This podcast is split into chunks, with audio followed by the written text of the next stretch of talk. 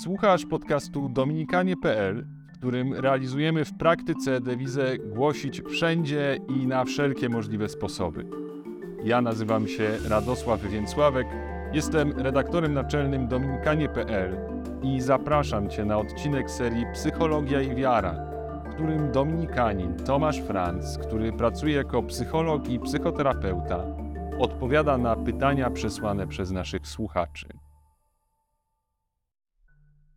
Czy jest tak, że na różnych etapach naszego życia e, każdy z nas prędzej czy później będzie w tym stanie depresyjnym lub depresji? Jak to rozpoznać? Mhm. Bardzo, bardzo ważne pytanie i myślę, że takie szanujące kondycję człowieka, bo po pierwsze mm, stan depresyjny jest naturalnym dla nas. Raczej bałbym się stanów manii zaprzeczających depresji, czyli takich stanów, w których można powiedzieć y, mogę wszystko, nie mam żadnych problemów. Stan depresyjny, w odróżnieniu od głębokiej klinicznej depresji, jest takim stanem, w którym y, mogę poczuć smutek, bo jest on uzasadniony, znam jego przyczynę, mogę pozwolić sobie na czas, który leczy rany, mogę sobie pozwolić na pewne uznanie straty, na przykład nie wiem, zawiedzionej miłości, czy, czy sytuacji nie wiem, utraty pracy, albo muszę z, przeorganizować swoje życie, żeby w tym czasie właśnie stanu depresyjnego, żeby znaleźć jakieś rozwiązanie, poszukać nowej pracy, poszukać nowych wyzwań, stworzyć jakąś nową relację i to jest naturalne i wiąże się z pewnego rodzaju naturalnymi też kryzysami, które w psychologii niekoniecznie są napiętnowane negatywizmem. Kryzys zawsze jest, drugą stroną kryzysu zawsze jest możliwość rozwiązania kryzysu. I kryzys w pewnych etapach życia, związany na przykład z autonomią, szukaniem jakiejś własnej ścieżki rozwoju, z zależnością, a wychodzeniem do niezależności, z tożsamością i pytaniami tożsamościowymi, a szukaniem odpowiedzi na nie, jest naturalny i potrzebny. I to są te momenty, stany depresyjne, które, bym powiedział, wtedy wygłuszają nam otoczenie. Otoczenie nas przestaje interesować, bo interesuje nas nasze wnętrze. Są takim, bym powiedział, sposobem na skoncentrowanie się na sobie, po to, by ruszyć do przodu. I to jest to, co nas wyróżnia, ten stan depresyjny od tej depresji klinicznej. Jeszcze raz powtórzę. Długotrwałość, stany są zawsze krótsze, umiejętność widzenia szerszej perspektywy, a nie tylko koncentrowanie się na negatywizmie. Oczywiście z czasem posiadamy tą szerszą perspektywę. Umiejętność zlokalizowania przyczyny swojej depresyjności, na przykład utraciłem coś, kogoś, stało się coś istotnego, trudnego. Oczywiście nie od razu znamy tą odpowiedź, ale szukamy jej. No i możliwość stopniowego reorganizowania swojego stanu. Być może nie wrócimy do tej samej rzeczywistości, ale zawsze będzie to jakiś stan związany z pewnego rodzaju rozwojem, czyli krokiem do przodu. Wtedy naturalnie jest to stan depresyjny, potrzebny do, do, do życia, ale nie jest to wtedy depresja kliniczna. Czy, czy dobrze rozumiem, że stan depresyjny jest stanem, z którym możemy sobie, mając pewien wgląd w siebie, samoświadomość, poradzić sobie sami? Czy to jest też taki moment, że już warto pomyśleć o pomocy kogoś z zewnątrz? Możemy sobie z nim poradzić sami, ale raczej bym powiedział sami w kontekście drugiej osoby. Warto wtedy rozmawiać z kimś. Nie, nie warto być samemu z tymi pytaniami, natłokiem pytań czy szarości w tych stanach depresyjnych, bo ktoś może nam podpowiedzieć jakąś inną myśl, albo po prostu emocjonalnie nam towarzyszyć. Nie musi to być od razu terapeuta, może to być bliska osoba, może być to nawet szukanie jakiejś informacji z wiarygodnych źródeł, które pomagają nam rozwiązać ten problem, przepracowywać go w sobie, więc nie warto zostawać samemu, ale kiedy już ten stan jest dojmujący, kiedy nie możemy po raz kolejny wydobyć się z jakimś nowym rozwiązaniem z rzeczywistości, której jesteśmy, kiedy no właśnie jest to długoterminowy stan, to warto skorzystać wtedy z psychoterapii. Psychoterapeuta będzie mógł nam pomóc rozeznać, czy słowem, kontaktem, poczuciem bezpieczeństwa, pracą nad sobą jesteśmy w stanie to przekroczyć, czy na przykład powinniśmy skorzystać z farmakoterapii? Pytanie z YouTube'a. Czy w przypadku osób chorych na depresję czy mających stany lękowe może mieć jednocześnie miejsce świadome wykorzystywanie swojego stanu psychicznego do manipulowania innym człowiekiem, innym członkiem rodziny, na przykład, y, a nawet świadome ranienie go? Czy można to jakoś oddzielić? Trudne pytanie, bo y, oddzielenie zawsze jest związane z osobistym przeżywaniem tego stanu depresji czy, czy lęków, ale też y, związane jest z reakcją środowiska. Jeśli środowisko czuje się nadużywane, czy na przykład jeśli ktoś wokół swojej depresji tworzy taką enklawę, y, nie mogę, nie podejmuję, dajcie mi, należy mi się, no to, to środowisko wydaje mi się nie, nie ma takich uczuć związanych ze współczuciem, z pracą, z umożliwianiem rozwoju tej osobie, raczej się buntuje. Mówimy wtedy o takiej depresji narcystycznej, związanej z tym, że jednak moje A, moje ja musi być wypiętrzone i, i zadbane i osłonięte właśnie taką niemocą i inni mi wtedy służą. To jest ta toksyczna część depresji ale często w tej depresji takiej prawdziwej klinicznej naprawdę możemy być bezradni, możemy mieć poczucie niemocy, możemy mieć poczucie negatywizmu.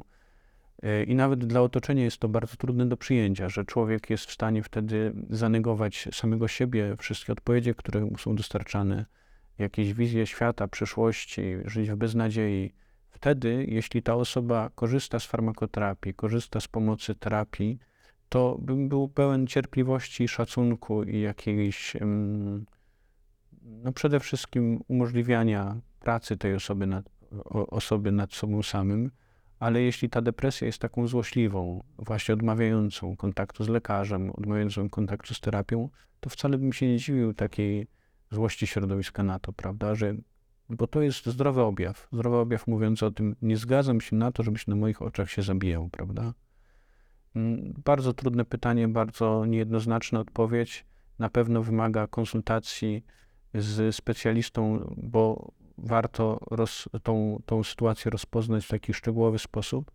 I powiem tak, nawet jeśli osoba w depresji nie idzie do lekarza czy do terapeuty, to członek rodziny może mieć konsultację z terapeutą, który może podpowiedzieć czy pomóc zrozumieć ten stan depresyjny i jakoś wzmocnić ten system rodzinny do tego, żeby też zdrowiała ta osoba, która nosi w sobie objaw przykład depresji.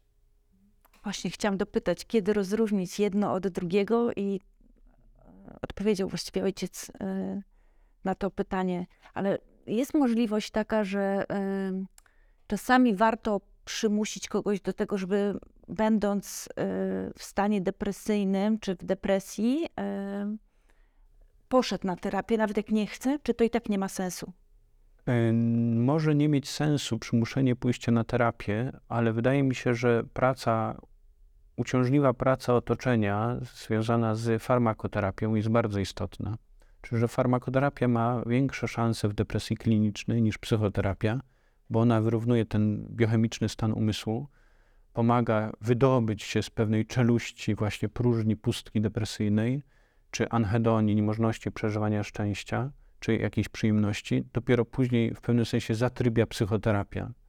E, więc raczej bym się koncentrował na wysiłkach e, związanych z pójściem do psychiatry i farmakoterapią niż do psychoterapii. Ona jest w późniejszym etapie bardziej istotna. W tym pierwszym etapie, w sytuacji ciężkiej depresji, na pewno są bardzo istotne leki.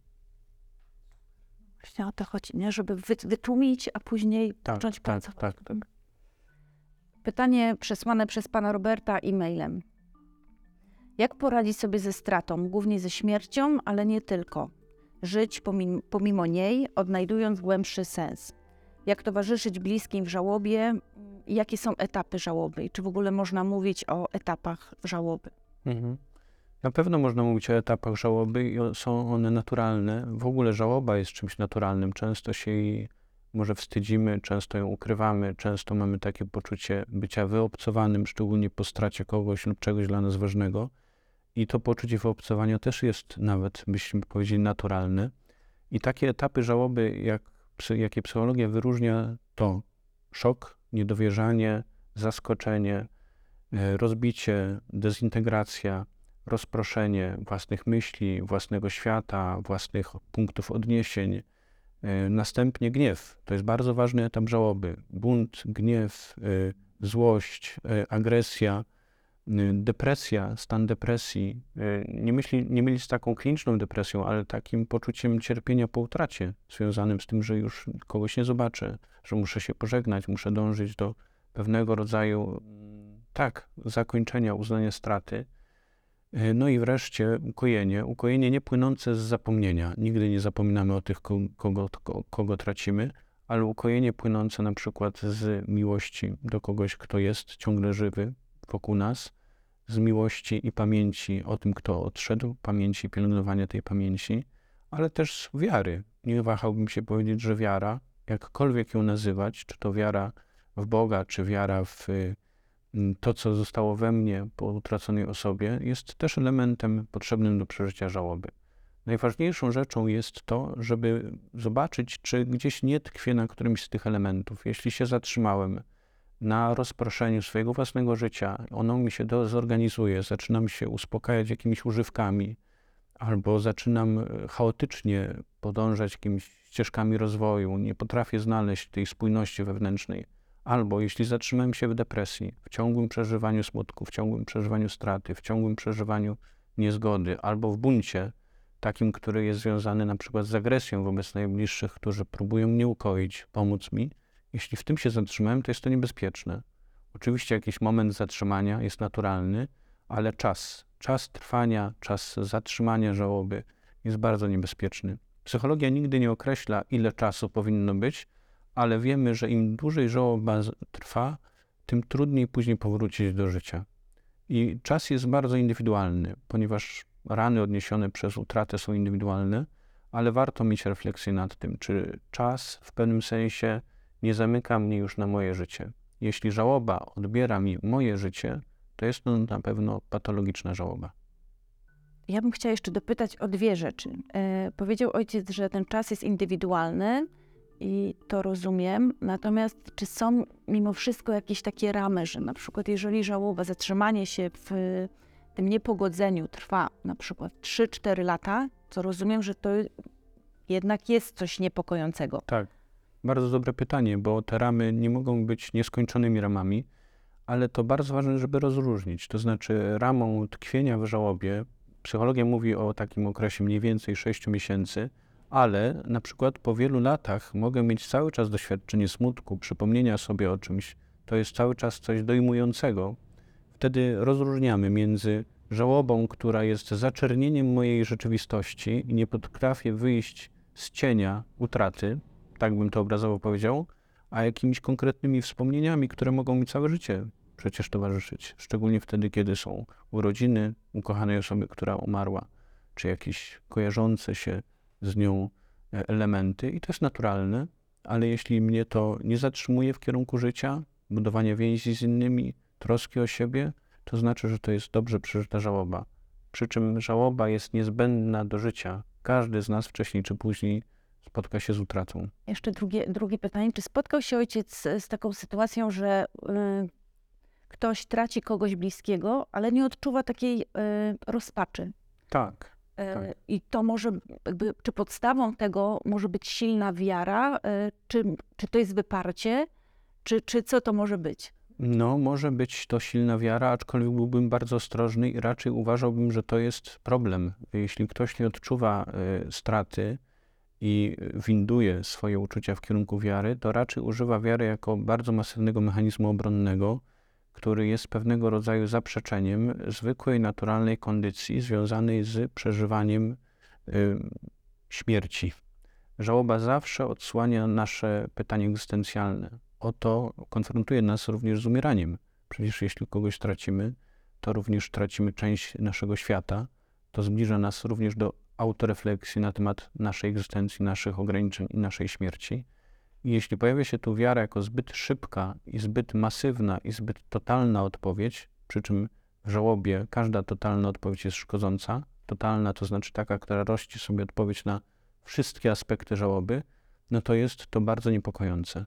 To wtedy można powiedzieć, że wiara nie służy przeżyciu żałoby. Ona nie jest wtedy nadzieją, pokrzepieniem, ale jest pewną zasłoną przed kondycją moją, mojej, moją osobistą jako człowieka, który może przeżywać cierpienie i łączyć się też również przez wiarę właśnie z tym cierpieniem z Panem Bogiem.